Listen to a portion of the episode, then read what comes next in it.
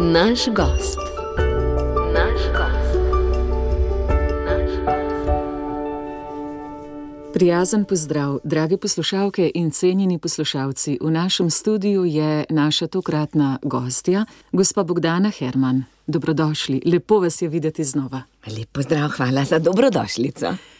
Vsake toliko vas pa vendarle slišimo tudi v našem radijskem programu, ker imate veliko posnetih pesmi, to so večne pesmi iz narodne zakladnice, te so tudi vam najljubše.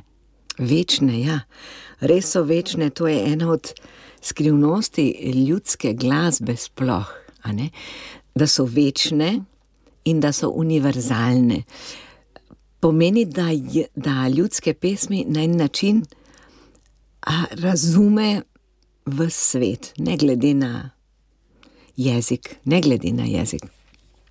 Razume in ljudske pesmi se ga človeka dotaknejo, ne vedoč, na kateri točki njegove najgloblje notranjosti. ne. Ko poslušamo irsko ljudsko pesem, aboriginsko ljudsko pesem ali glasbo, južnoameriško, francosko.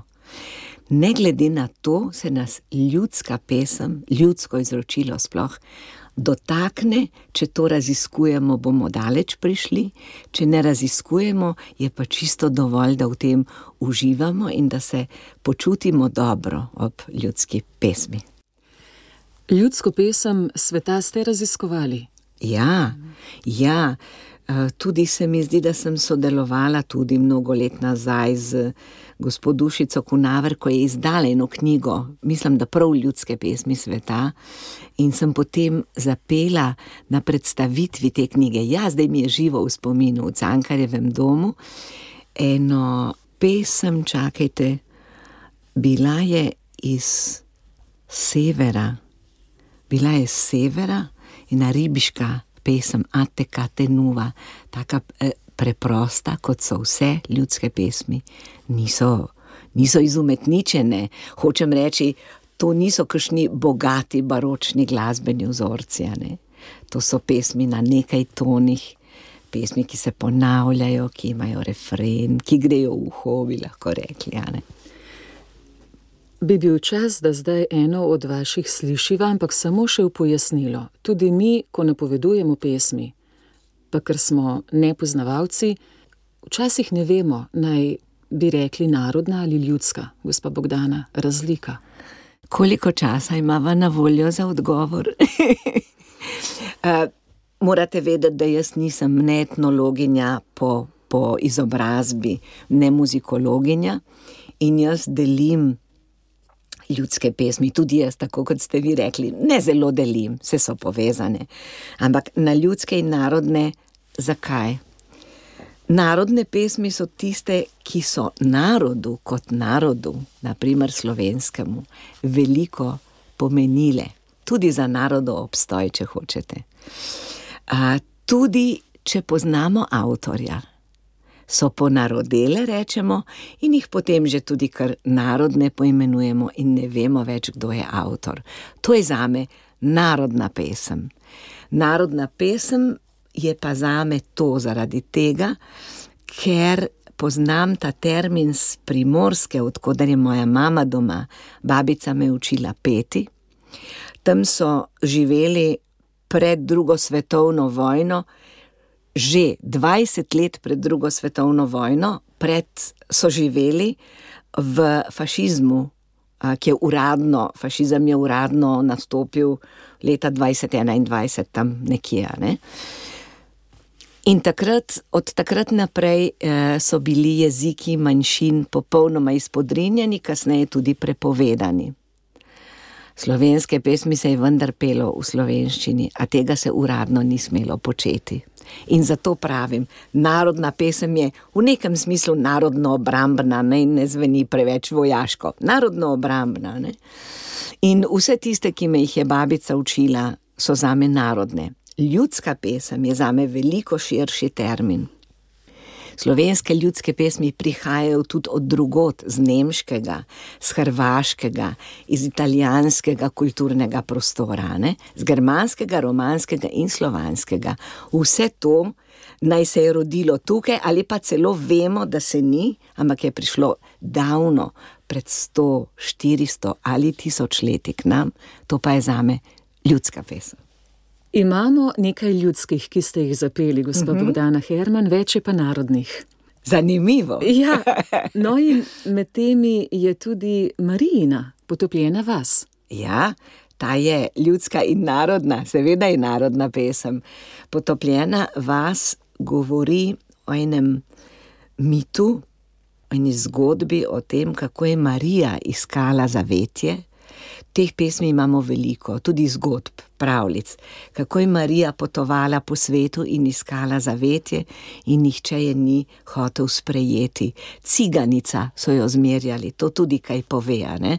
da smo zmerjali ljudi in jih še danes, ki m, niso videti prav dobro, ki so videti kot kakšni izgubljenci, kot kakšni begunci. K tej besedi bi se rada še vrnila. Včasih so pa rekli, lega, cigana in so s tem mislili tako zgubljeno dušo, ki je bolje, da ji ne odpremo vrat. Tako so zmerjali tudi Marijo v tej ljudski pesmi. In ko jo je uboga stara žena sprejela k sebi, je bila bogato poplačana, z dobroto, z ljubeznijo, vas, ljudi, ki so jo zavrnili, je bila pa potopljena. Poslušajmo, kako to zgodbo zapoje naša tokratna gostja. Marija pa gre za veliko vodo, za veliko vodo, za Donavo. Voda, zakaj ti tako močno šumiš, da moje dete iz spanja budiš? Zakaj bi jaz neki ne šumela, ker bodem nocoj potopila dvanajst grašči in dvanajst vasi in zraven tudi veliko ljudi. Marija pride do prve vasi, je našla tam brezsrčne ljudi. Neusmiljeno so jo poganjali, za ciganico jo zmerjali. No, kaj pa ta ženska tukaj pekla, ki tako lepo dete ima? Marija pride do druge vasi, je našla ravno take ljudi. Marija je v tretjo vas pritekla, do uboge revne vdovice. Začela je lepo jo prositi, ali bi me ti mogla prenočiti, jaz nimam ti dati večerjice, pa tudi nečedne postelce.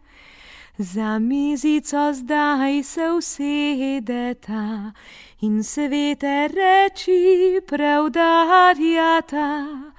Je vdova skozi okno pogledala, prečudno se je prestrašila. Včeraj so bile še lepe vasi, oh danes povsod že voda stoji. Prav lepo zahvalim te, vdovica, da si me nocoj prenočila. Ti si obvarvala me eno noč, jaz bom pa tebe poslednjo noč. V studiu je z nami gospa Bogdana Herman, ki nam bo ne samo pripovedovala, povedala kaj o sebi, o svojem delu, zanimanjih in kako razbirata svet, ampak nam bo tudi zapela. Izbrali sva krajše pesmi, zato da bo vendarle več prostora tudi za besedo. Gospa Bogdana Herman, ste profesorica slavistike, učiteljica veščin sporazumevanja, tudi pesnica in, kar sva že rekli, raziskovalka eh, ljudskih pesmi in seveda pevka. Z velikimi imeni ste sodelovali in še sodelujete, ker bo toliko vsega, da ne begam tudi z Tomažem Pengovom, a morda tam začneva tlakovati to glasbeno pot. Ja, lahko tam, lahko še prej Ja. in lahko še prej. Začetek, začetek je pri babici, kot pri marsikom, ki poje tudi ljudske Ste pesmi. rekli, a da vas je učila? Ja, ja. Peti. pravzaprav me ni učila. To je tisto, kar je najbolj dragoceno. Ona je kar naprej pela in jaz sem začela peti z njo in me je spodbujala, dej, dej. In je potem slišala, da uh, primem kar uh, terco, da primem kar drugi glas in je spet rekla, dej, dej, le dej. In sva peli skupaj za štedilnikom, zunaj na vrtu, sliši se izpraznjeno, ker so to fraze. Ne? Ljudske pesmi so peli ob domačih, ob poljskih delih, ob večerjih po zimi. V bistvu je pa vse to res.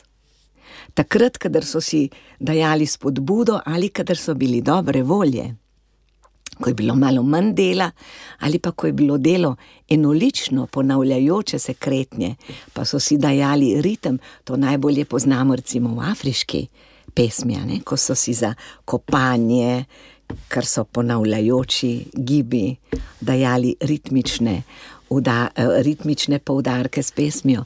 Ni na ključe, da ravno iz Afrike prihaja ta občutek, morda skupaj iz Afrike k nam, ne, prihaja ta silen občutek za ritem, ki ga imamo vsi, ki ga najbolj vidimo pri otrocih.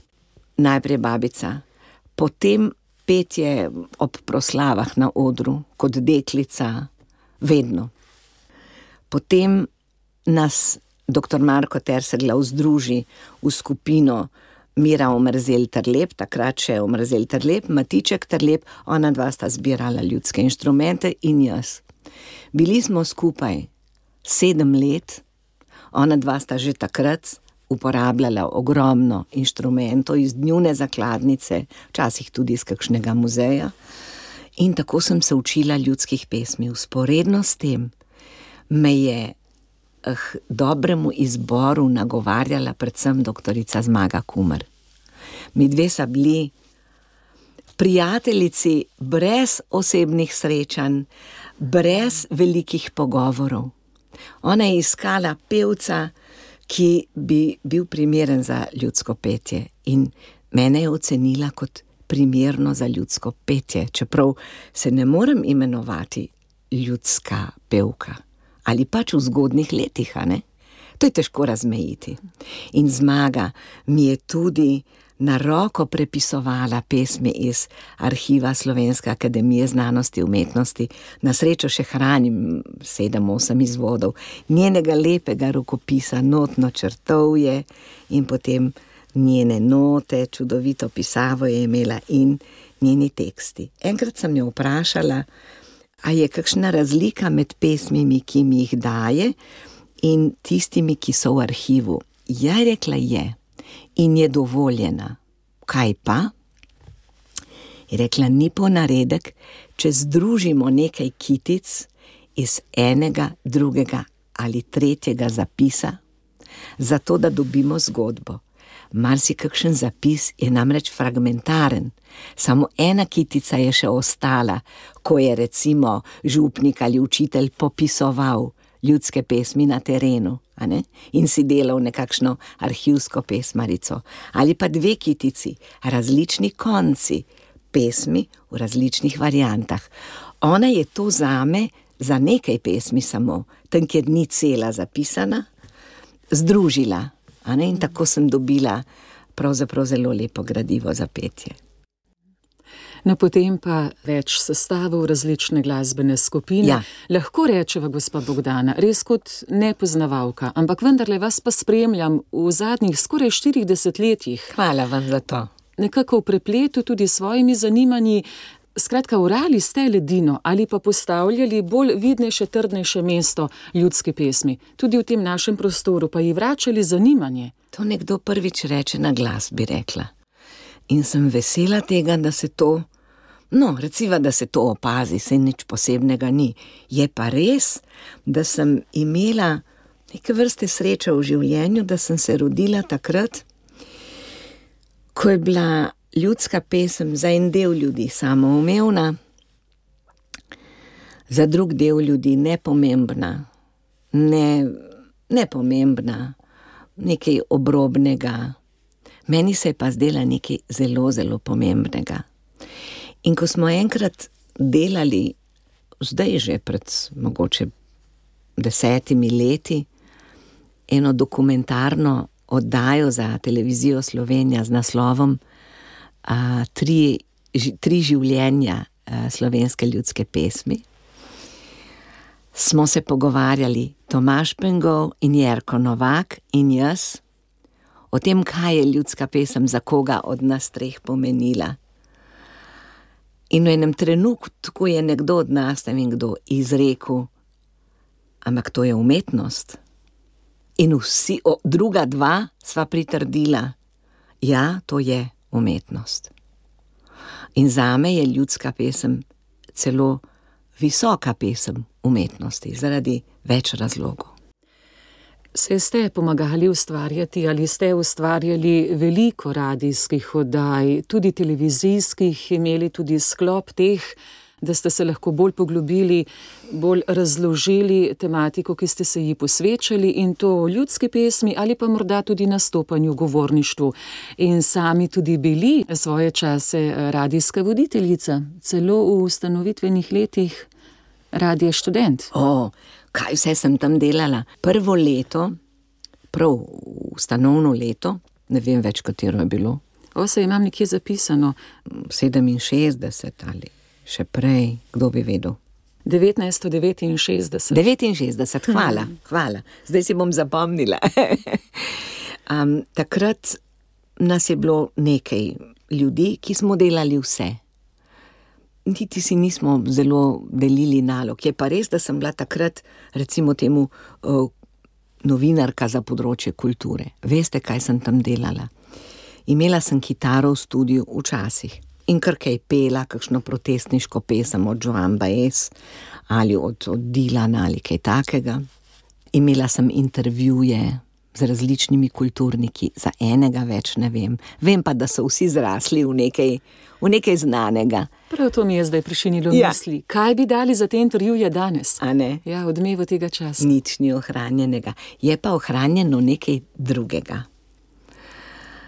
Jaz sem začela takrat enkrat ali nekaj let pozneje pisati tako imenovane kulturniške dnevnike. In tam je veliko bogatstvo. Pisala sem jih skoraj vsak dan, v njem so nalepljene vstopnice, fotografije, ki jih ni nikjer več.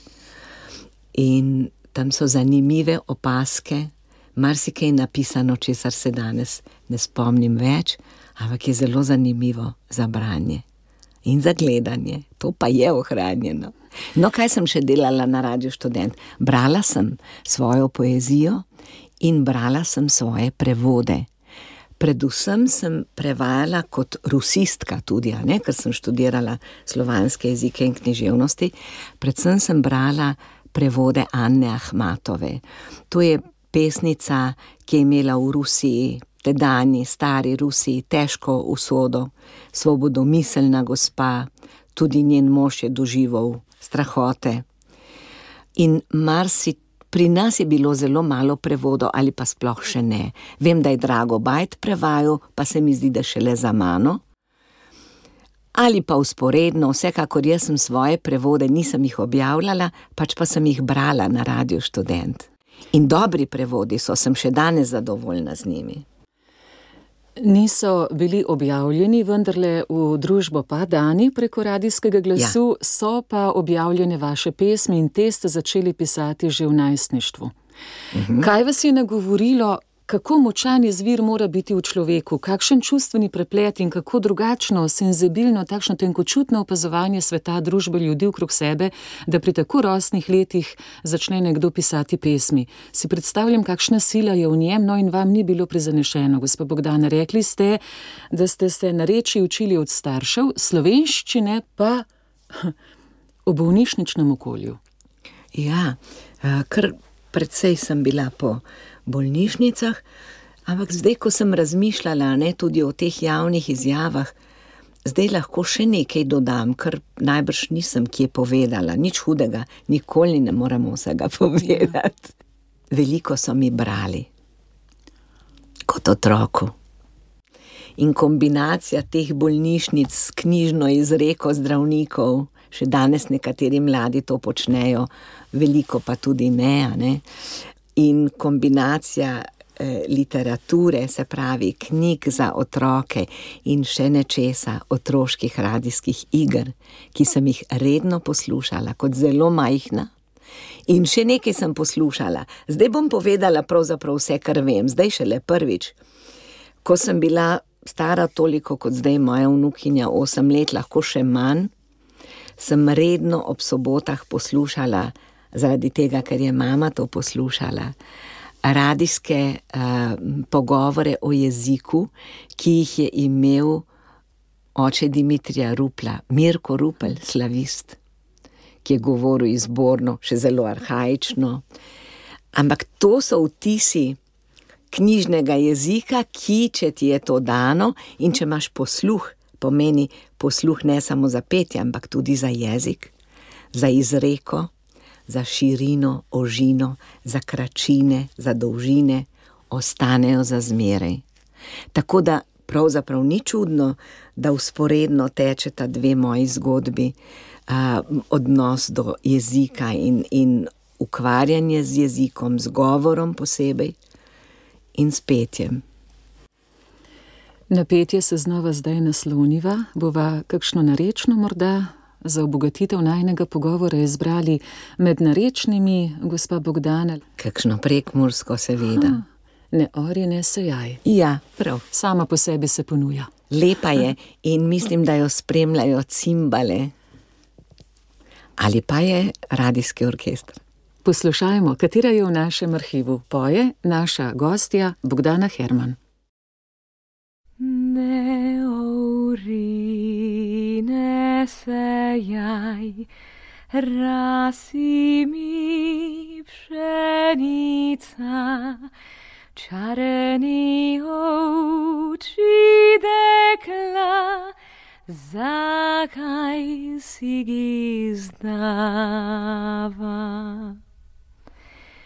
Nejsan jas gizdava, Saksha deikla taksha šterama ljubija pristanek na prstu. Nejsou ty sto roužej, Šteresov Pingradi, Aresoti staroužej, Šteres eluvijou.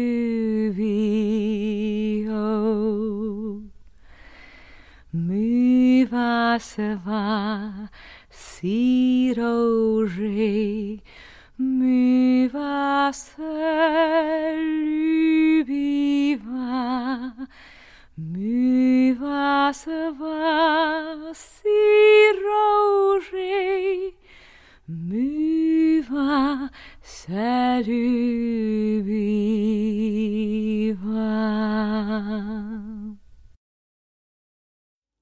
Gospa Bogdana Herman, naša gostja ste in že vnaprej smo vedeli, da je ura le za dober uvod pogovora z vami. Rekli ste, dve močni usporednici tečete skozi vse vaše življenje. Na eni strani pesem, na drugi strani ta izredna ljubezen do jezika. No, v medijskem svetu ste bili dolgo dejavni, radijska, sva že rekli, govornica, novinarka, tudi radijska glasbenica, tako v živo, s kitaro v roki, eh, svojo poezijo, potem prebiranje vaših prevodov. Ste bili pa tudi del nacionalne medijske hiše. Ja, res je. Ja, in to kar visoko z odgovornostjo. Skoraj najviše. Ta pot do tja je spet druge vrste zgodba, ampak vse to sem jaz. In prišla sem na televizijo Slovenije kot pomočnica, kar naravnost iz politike, iz organizacije Zveze komunistov, ne komunistične partije, kot se danes kar naprej govori, in je to tudi za me slabšalni izraz, komunistična partija. Lahko povem, če bo treba, če bomo imeli čas. No, od tam sem prišla na željo in po dolgotrajnem prizadevanju takratnega direktorja televizije oziroma glavnega urednika programskega Staneta Graha, v časih, ki so bili res prelomni. Jaz sem vesela, da sem bila tam, vesela vseh svojih odločitev, vseh, niti ene ne obžalujem ali bi jo skrila pod mizo. O tem še nikoli nisem govorila, tudi zdaj ne bom podrobno, zakaj pa bi. Ampak odločitve, da boste bolje razumeli, so bile programske, so bile finančne. Takrat, kadar ni bilo recimo direktorja ali drugih njegovih pomočnikov uh, zadolženih za to, takrat sem jaz morala odločati tudi o velikih sredstvih v zelo kratkem času. In uh, seveda tudi glede programov. Takrat smo recimo se odločali o tem, ali spremljati kakšne demonstracije ali ne, katere demonstracije spremljati, katerih ne, zakaj. Ta beseda zakaj je danes v medijih in v politiki premalo prisotna. Je v raziskovalnem novinarstvu odkriti ne samo kaj, ampak tudi zakaj tako. Um, Medtem ko je v politiki premalo prisotna, in če bi se spraševali o vzrokih stanja kjerkoli, bi lažje iskali tudi rešitve. Najprej več rešitev, potem pa bi se skupaj odločili za eno samo, ki je ponavadi kombinacija več možnosti. Strašno obžalujem, ni pretirana ta beseda, da se ne ukvarjamo ne v medijih, ne v politiki dovolj z neko z nekim poglobljenim razmišljanjem. Pripravimo govor, ne da bi nas zanimalo, kakšni so nasprotni argumenti ali ugovori, ne da bi nas zanimalo, zakaj nekdo misli tako, kot misli. Ne, nas zanima samo, ali misli tako kot jaz ali ne misli. In če ne misli tako kot jaz, ga izločimo takoj in ne razmišljamo o ničemer drugem. To je velika stran pot, če je sploh dovolj močan izraz za iskanje skupnih rešitev in skupne poti naprej, skupne prihodnosti. Velika stran pot. V miru razmišljati o ozadjih, ki pa za me nikoli niso pomenila, kdo je s kom in kaj kdo napravil in taji. Ampak zakaj prihaja do slabih odločitev, do neodločitev, do napačnih odločitev? A ne? Sem predolga. Ne, to je zelo svetopisansko, se mi zdi, ne sodi človeka, obsodi dejanje. Če mm -hmm. ni dobro, to je popolnoma drugačen pogled. Svetega pisma ne poznam, poznam ga po fragmentih, mm -hmm. dobro pa nikakor ne, ne. Študiram sveto pismo tudi, kadar naletim na uh, cerkvene pesmi in na ljudske pesmi s cerkveno mm -hmm. tematiko. Vem pa, da je recimo ravno to, kar ste rekli, gospa Nataša, ne sodi človeka, uh, po, kako že še enkrat mi ponovite. Preprosto ne sodi ja. človeka, sodi dejanje. Sodi dejanje njegovo. No, to je recimo eno znamenito. Zanimivo načelo bilo zame v preučevanju retorike, ko sem preučevala harvardska pravila pogajanj. Tam je rečeno točno to in to v latinščini celo, kar pomeni, da gre res za star izvor. Ne? ne razmišljaj o tem, um, kakšen je človek, ampak deli človeka na eno stran in njegova dejanja, da je na drugo, poglej pa oboje. In tudi to je problem v politiki. Zakaj? Takoj, ko rečemo, ta je pa iz NSI, in ne maramo NSI-ja, govorim naravnost, kaj pa da, in ne govorimo o sebi. Takoj, ko to rečemo, je, je za nas že dovolj. A če je pa od tam, če je pa iz socialnih demokratov, če je pa z levice, pa ni nič prida. Napaka. Spet, kako je nekdo prišel do nečesa, kakšen je njegov miselni svet, zakaj razmišlja tako, kot razmišlja. Najprej se o tem malo poučimo, preden diskutiramo z njim ali zavračamo njegova stališča. Se jih ne moremo, dokler ne vemo kaj več o njih. Da bi kaj več o njih vedeli, se moramo pa z njim pogovarjati. O tem, bi rada kdaj govorila v parlamentu, ne samo eni stranki. Kdaj pogrešate, da ni več izmenjave vas, ki ste vendarle starosta, imate izkušnje, lahko kaj poveste, čeprav ste delovali v drugačnem času, morda v drugačnem kontekstu, izkušnje so pa dragocene.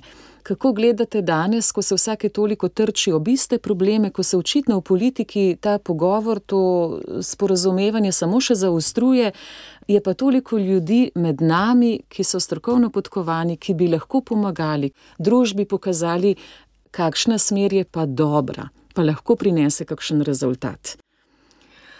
Nekaj bom dodala. Najprej, kadar govorimo o delikatnih stvarih, in ta je delikatna, pa sem prav vesela, da govoriva o tem, moramo zelo pozorno, uh, pozorno ja, izbirati besede, besedo za besedo, pokazati, kakšna smer je pa dobra. Ste skoraj bili na robu tega, da bi spet se ustavili ob običajni misli, moja je dobra, vaša pa ni. Nikakor ne. Res je treba izbirati besede, ko gre za občutljiva področja. Prisluhniti vsaki besedi, prisluhniti tudi temu, kar ni izrečeno, in to raziskovati. To je zelo pomembno. Zdaj pa odgovor na vaše vprašanje, če se ga še spomnim. Samo široko vas bom vprašala, ja. kako razbirate družbo. Ja, prav. Pa vendarle še odgovor na začetek vašega, uh, vašega vprašanja, ali nas kaj vprašajo.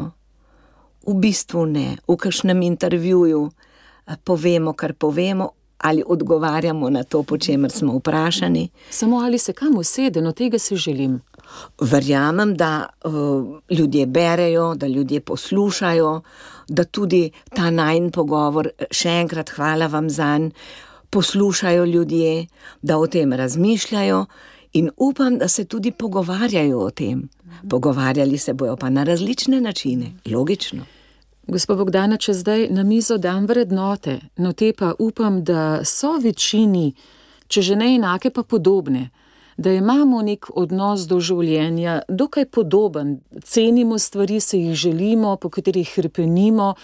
Kako razbirate ta svet, kaj vam je bistveno v njem? V zadnjem intervjuju, ki sem ga imela, sem povedala, da se bom posvetila raziskovanju vrednot ljudi, ki je njihov svet, miselni svet, a filozofski svet, idejni svet, popolnoma drugačen od mojega. To me zelo zanima. To, kar sprašujete vi, je pravzaprav odgovor na to, kar sprašujete vi, je pravzaprav odgovor, ki je bolj enostaven, kot se zdi.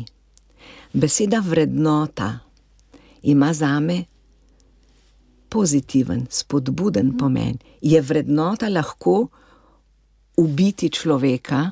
Je vrednota lahko krasti, je vrednota lahko goljufati, lahko. Za me in za vas ne, za človeka, ki to počne, je pa to morda vrednota.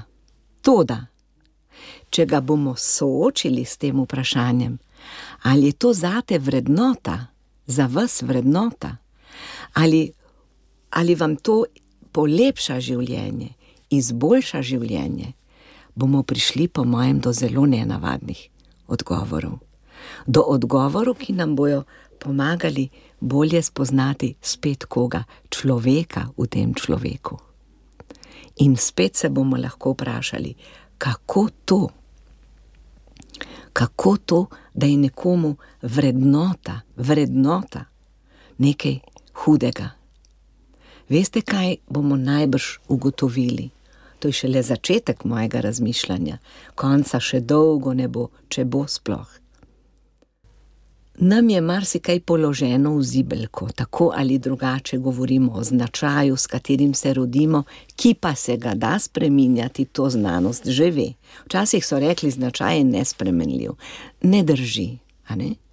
Potem rastemo v nekem okolju, in od tam upijamo prve vrednote, prve načine komunikacije, prva hruljanja, prvo ne smeš, ne boš, prvo pust me na mir. In to počasi postaja tudi neke vrste komunikacijska vrednota ali obrazec. Zato je zelo delikatno spraševati po besedi, po globljem pomenu beseda vrednota, ki nama gotovo pomeni nekaj žlahtnega, nekaj dobrega, nekaj, kar ima veliko vrednost v etičnem smislu. Če pa tukaj narediva piko, bo več kot dovolj. Pa zato, da preskočiva k naslednjemu poglavju vašega življenja, poslušajva še eno od vaših, katero bi izbrali. Kakšno polemično na to, o čemer smo zdaj govorili. Kaj pa bi to bilo? Žalostno je zdaj na svetu. Ne. Ne. Kaj pa ne veste, da to morilka je odvegava? Bilo bi dobro. Dajva.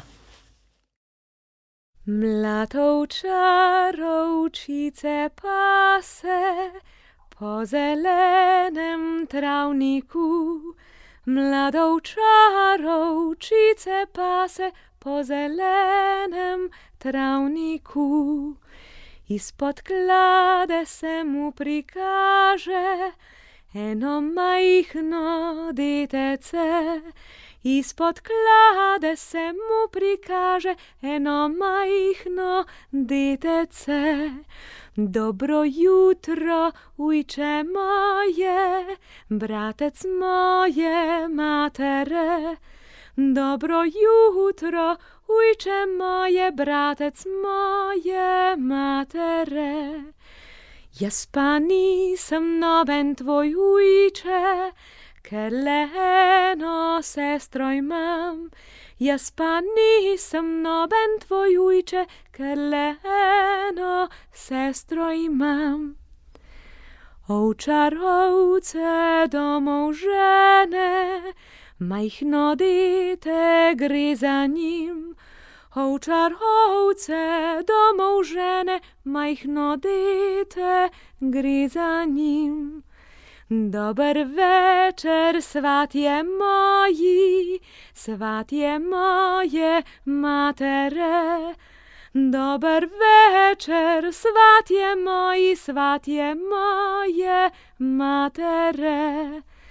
Če sem pa jaz tvoja mati, naj mi krancel splameni. Če sem pa jaz tvoja mati, naj mi krancel splameni. Komaj dekle to izreče, krancel že ji splameni. Komaj dekle to izreče, krancel že ji splameni. Nisi imela samo mene, imela si nas ti že tri. Nisi imela samo mene, imela si nas ti že tri.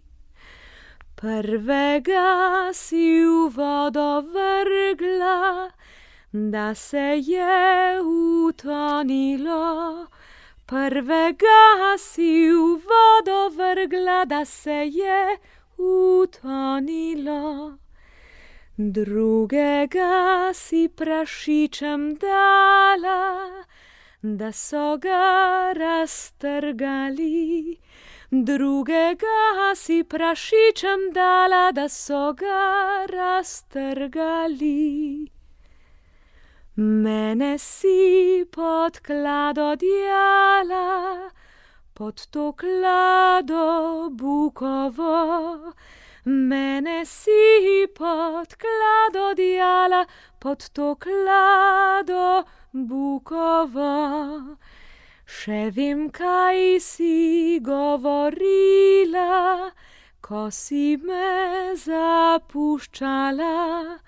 Še vem, kaj si govorila, ko si me zapuščala. Hladen veter naj te ziblje pod to klado bukovo. hladen veter naj te ziblje pod to klado bukovo.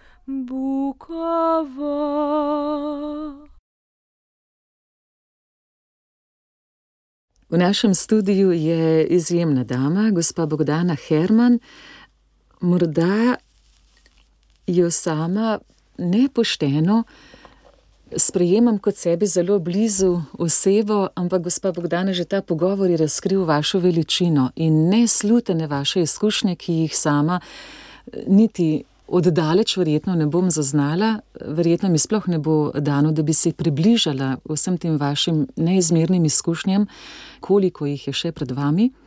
Kaj se je zgodilo? Ljudske pesmi sva se nekoliko posvetili, potem tudi vašemu angažiranju, torej vaši dejavni vlogi za to, da bi vendarle dajali neke vsebine narodu, družbi, o katerih je smotrno govoriti, se z njimi uplajati. Kaj se je zgodilo pa v 90-ih, da ste svoje delovanje v medijih nekoliko dali ob stran in se posvetili govorništvu? Takrat zagotovo v tem znova močno inovativni. Ta odmik je bil vsekakor političen. Jaz ga razumem. Nekdo, ki je prišel iz Zveze komunistov, tam sem opravljal lektorske in druge posle, ni bil dobrodošel ob uh, burni spremembi političnega sistema. Jaz to razumem. Razumem tudi, da so se tega oziroma mene lotili precej okorno, ker s tem niso imeli izkušenj. Lotiti se okorno pomeni, da um, so mi dajali posredno vedeti, da nisem več dobrodošla v tej hiši in to v nobeni na nobenem mestu, seveda ne kot pomočnica m, glavnega urednika, direktorja televizijskih programov, pa tudi na drugih mestih ne. To sem prestala, čeprav kot mati samohranilka, težko. Um, ampak uh, v življenju je treba vse kar, a veste, kako se po domače reče, skupaj vzeti. In tako sem en večer se spominjam, ko je šla moja hči spat, vzela en listek, ki ga še vedno hranim.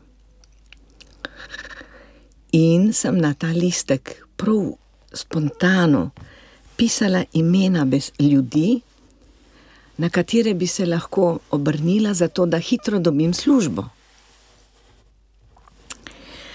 To se je zanimivo razvijalo. Takoj naslednji dan sem začela klicati, ampak videla sem, da ljudje, s katerimi sem govorila že po enem dnevu ali tednu, ko se srečamo, stopijo čez cesto, da mi ne bi bilo treba odgovarjati, ali imam kaj možnosti ali ne. Nič takega, tudi takrat sem to razumela, razumela. Danes mi je pa seveda veliko lažje, kot mi je bilo takrat. Sem pa razumela že takrat. Še posebej, ker vem, da se je tudi po drugi svetovni vojni dogajalo marsikomu podobno, kot se je meni po a, času osamosvojitve oziroma po osamosvojitveni vojni. To so zakonitosti, ki so večne, veste. Zgodilo se je torej to, in zadnja na, listi, na listu je bila gospa, ki mi je ponudila možnost službe v enem privatnem podjetju, eni delniški družbi, ki je danes ni več itak, sej se vse čez noč spreminja. Uh, tja sem tudi prišla, ne da bi vedela, kaj je delniška družba, ne da bi vedela, kaj bo moje delo, nič. Ampak gospa je rekla: uh, Bogdana, vi imate smisel za jezik, za izobraževanje, boste pa mogoče pri nas prevzeli izobraževanje. In to je vsa zgodba. Del enega izmed številnih usposabljanj smo bili deležni tudi trojica z našega radia, morda poznaje še kdo, še kdaj znova, ampak to so bile res močne ure nastopa, govorništva, da si jasno. In močne osebnosti iz tega radja, ne vam skočim v besedo. ja, ne, hvala lepa, nepozabni so bili ti tedni in spominjam se zadrege, pa potem tega mostu ko si pa spoznal, da se lahko zaneseš tudi nase in osvojil določena urodja, ki pomagajo. Sveda še vedno delamo narodnosti. Skratka, od sredine 90-ih let, gospa Bogdana Herman, ste se potem začeli ukvarjati s poslovno komunikacijo, ja. posebej s preučevanjem in poučevanjem javnega nastopanja, kriznega komuniciranja, dialogike in pogajalskih tehnik. Tako je. Veste kaj? O vse to bi lahko šli podrobneje ampak je preveliko, je prevelik oreh. Zato vas sprašujem, kakšno je vaše mnenje? Tudi prej, ker ste sami rekli, se bo v beguncem, upam, da še lahko vrnili. Tudi jaz upam, ja. In strah, ki se poraja, kaj bo slovenskim jezikom? Obstaja nekaj napovedi, ena prihaja iz inštituta, iz um, inštituta Jožefa Štefana, ja, točno. Po tej napovedi naj bi se um, slovenski narod po 400 letih, se pravi 400 let od zdaj, skrčil na eno nepomembno uh, skupino ljudi. Ta napoved se mi zdi možna. Zakaj? Zaradi tega, ker smo šele na pragu velikih, ne velikih, velikih selitev. Zdaj govoriva v času, v katerem so razmere vse bolj burne, ločevanja med skupinami ljudi z različnimi pogledi, vse bolj vsak sebi, ločevanje med bogatimi in manj bogatimi ali revnimi, vse večja, v številkah ne bi rajši. In v takem času se napetosti eh, krepijo tudi zaradi podnebnih razmer, ki niso začasne v tem smislu, da se zelo hitro spreminjajo in da so ekstremne. In v takih časih je pričakovati neko stalnost nekega ljudstva, bolje rečeno nekega naroda, ker zdaj o tem govoriva, samo če ta narod zares zelo skupaj stopi, ne vem pa, če je toliko močan, zdaj pa govoriva o številčnosti, da bi zmogel. Kaj da bi zmogel? Uh, zdaj bom dobila gotovo kakšnega poslušalca, um, ne na svojo stran, ampak stran od uh, mojega načina razmišljanja vidim, da še niso, kar je spet čisto logično, pozabljene vse ideje o tem, kako je nekoč bilo slovensko ozemlje del nekega drugega ozemlja. Vidim, da te ideje še niso pozabljene in ni ena sama, več jih je. To, da so, posamezna, da so bili posamezni deli slovenskega ozemlja pod različnimi oblastmi in tudi pod različnimi jezikovnimi skupinami. Slovansko, germansko, romansko, ugrofinsko. To je tudi eden od razlogov, mislim tako, da mi tudi kot regije ne stopamo dovolj skupaj. Da se reče, da ja, ja, v Ljubljano je pa zelo daleč do Maribora, uh, bolj kar Mariborčanu do Ljubljane, vam je pa predaleč, ali pa do Kopra, ali pa vse vseeno, kaj reče vane. Mi smo že regionalno, zgodovinsko živeli zelo različno, pod različnimi upravami in tudi jezikovnimi kaj ne rečem, jezikovnimi prevladami, ko so bili uradni jeziki, vse kaj drugega kot slovenščina. To nas uh, vleče na razen. Sebi, ja. Tako je, še vedno, ne da bi se tega zavedali. Če bi se pa tega bolj zavedali, bi pa bolj delali, ne, spet odgovor na vprašanje, zakaj bi pa bolj delali na tem, da se obiskujemo, da sodelujemo, da jaz s koprom napravim za eno koprčamko kaj skupnega. Jaz moram reči, da k temu težim, ne samo regionalno, ampak tudi starostno. Meni je to veliko bogatstvo delati še starejšimi od mene, čeprav sem že kar v letih, imam 75 let. Iskrene čestitke, lani oktober je bila obletnica. ja. Ja, In z mnogo mlajšimi, ja, ne? To nas bogati že spet. Fraza, ki bi, bi bila lahko zelo pogrošna, to nas bogati. Ampak to je resnično, to mene zelo bogati. Skratka, vi ste vprašali, kaj bo z nami.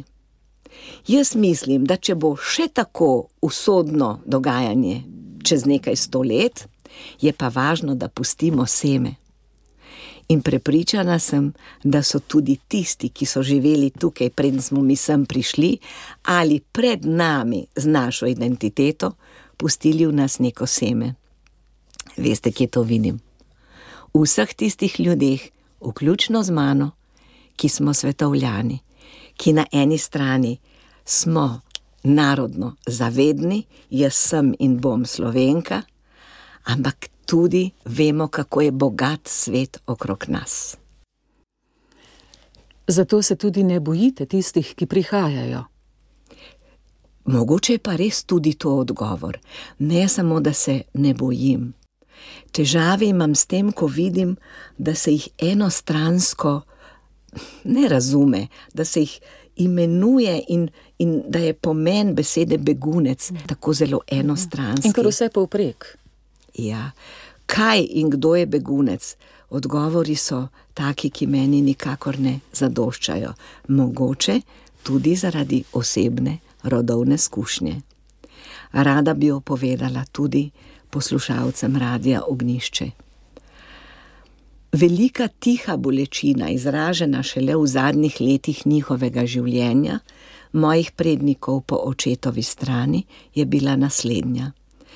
Moj stari oče je bil slovenec, štajerec, njegovi predniki pa Nemci, Prusi. Štajerec, ki je kot postaje načelnik, na zadnje, no, skoraj na zadnje, živel in delal na občinah pri Trstu. Njegova žena iz um, Vipavske vasi. Oba, torej pod Italijo v času po koncu Prve svetovne vojne, prej pod Avstro-Ogrsko, je tako, kaj ne? V hipu so kot Slovenci, takoj po koncu Prve svetovne vojne, morali zapustiti italijansko ozemlje, rapalska pogodba, sej veste, in oditi kamorkoli, in odhajali so v Jugoslavijo, ker je bil tam večinski del slovenskega ali, eh, naroda. Ne? Ampak, in tukaj je poudarek te moje zgodbe, in tukaj je bolečina mojih prednikov. Ko so prišli kot Slovenci v Slovenijo, so slišali eno samo besedo, kot tisto iz pesmi Potopljena vas, begunci, stran, begunec, svoj človek, begunec. In ta beseda jih je zaznamovala, ne samo beseda, tudi to, da jih dobesedno niso nikjer sprejeli. Oče je šel z družino najprej v rodne kraje, moj, moj oče takrat še ni bil živ. Se je rodil leta 21, ko so se že ustalili v begunskih barakah v Zalogu pri Ljubljani. Tam se je pa moj oče rodil leta 21 in pred nekaj meseci umrl. Iskreno sožalje ob izgubi vašega očeta. Hvala. Več kot sto let je doživel in bil je moder mož. Bil je zelo moder mož. To se je kazalo vse življenje, bil je preudaren, nobene prenagljene poteze ni potegnil, to se mu je včasih v življenju tudi maščevalo, ampak to je sprejel z razumevanjem. A veste, kadar so časi na horuk, kadar je treba nekaj posplošiti na hitro, takrat ni bil zraven. In to ga je včasih drago stalo. To se mi zdi, da je tudi bogatstvo njegovega življenja in poduk. In dragocena zapuščina Ja, tudi seveda, za vas. Eh, Gospa Bogdane, da sploh ne omenjava Prusije, povsem izbrisana dežela v mlajših generacijah, niti v spominu je ni Da, več, je poglejte. to kdaj obstajalo. Poglejte. Zgodovino slabo poznamo. In zgodovina je učiteljica, kot pravi latinski pregovor. In slišimo v celo v slavnostnih govorih, iz zgodovine se ničesar ne, ne naučimo. Res se ne, pa ne samo slovenci. Nič se ne naučimo in ponavljamo napako za napako. Še vedno imate skupinske delavnice, delujete uh mhm. -huh. individualno, še vedno verjamem, uh -huh. da učite tudi petje, še vedno učite tudi govorništva, še vedno aktivni, gospod Bogdan, in verjamem, da tudi na odru sveta. Greste mednarodno na kakšne nastope ali ostajate doma v Sloveniji? Veste, kaj je bil moj zadnji nastop v tujini pred nekaj leti? Zelo sem ga vesela in tudi, uh, in tudi vesela vabila. Bila sem večkrat v Berlinu in tam sem počela več stvari. Imela sem koncerte slovenskih ljudskih pesmi, ki so bile prevedene v nemščino, izborno, izvrstno prevedene. Imela sem, brala sem svojo poezijo, ki je bila izvrstno prevedena v nemščino, tako da so to lahko odnesli s seboj. In slovensko numizmatično društvo, ki mu pripadam z velikim veseljem, sem peljala v enega največjih in najznamenitejših numizmatičnih kabinetov, ki je v Berlinu. No, skratka, tam sem bila na zadnje, zagotovo bom še kdaj kam šla kdo bi vedel, a ne nič ne vemo naprej, v teh časih posebej ne, še kaj bo jutri, včasih ne. Ampak, če iz tega, na to lahko gledamo na dva načina. Ojoj, kaj bo jutri, ogroza. Lahko pa rečemo, da vidimo, kako se bom znašla v novi spremembi. In taka sem jaz po naravi. Preden sva spregovorili v mikrofon za širšo javnost, smo se spomnili besed vašega očeta: prilagodljivost je vrlina. Je. Ja. je. In kot piko na i za to, gospod Bogdana Herman, iskrena hvala za pogovor.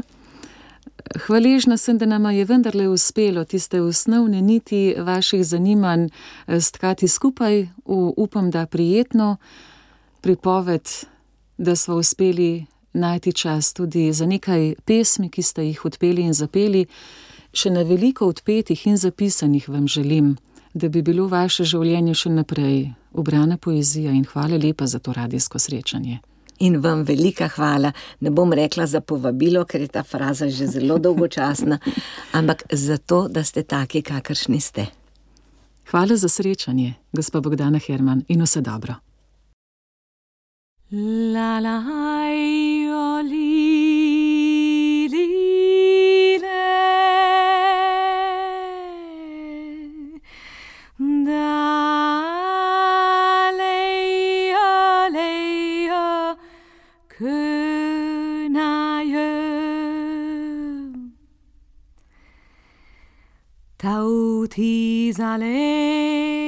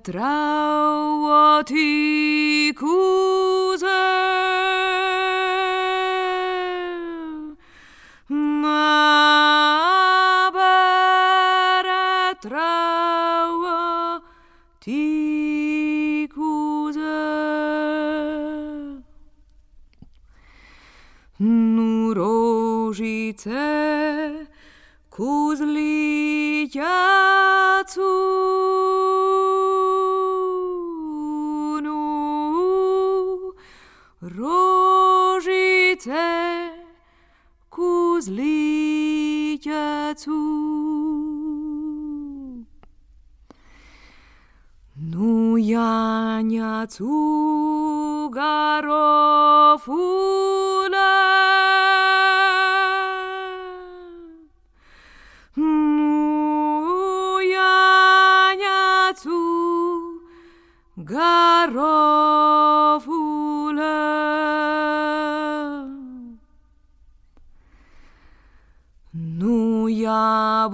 Turquesa.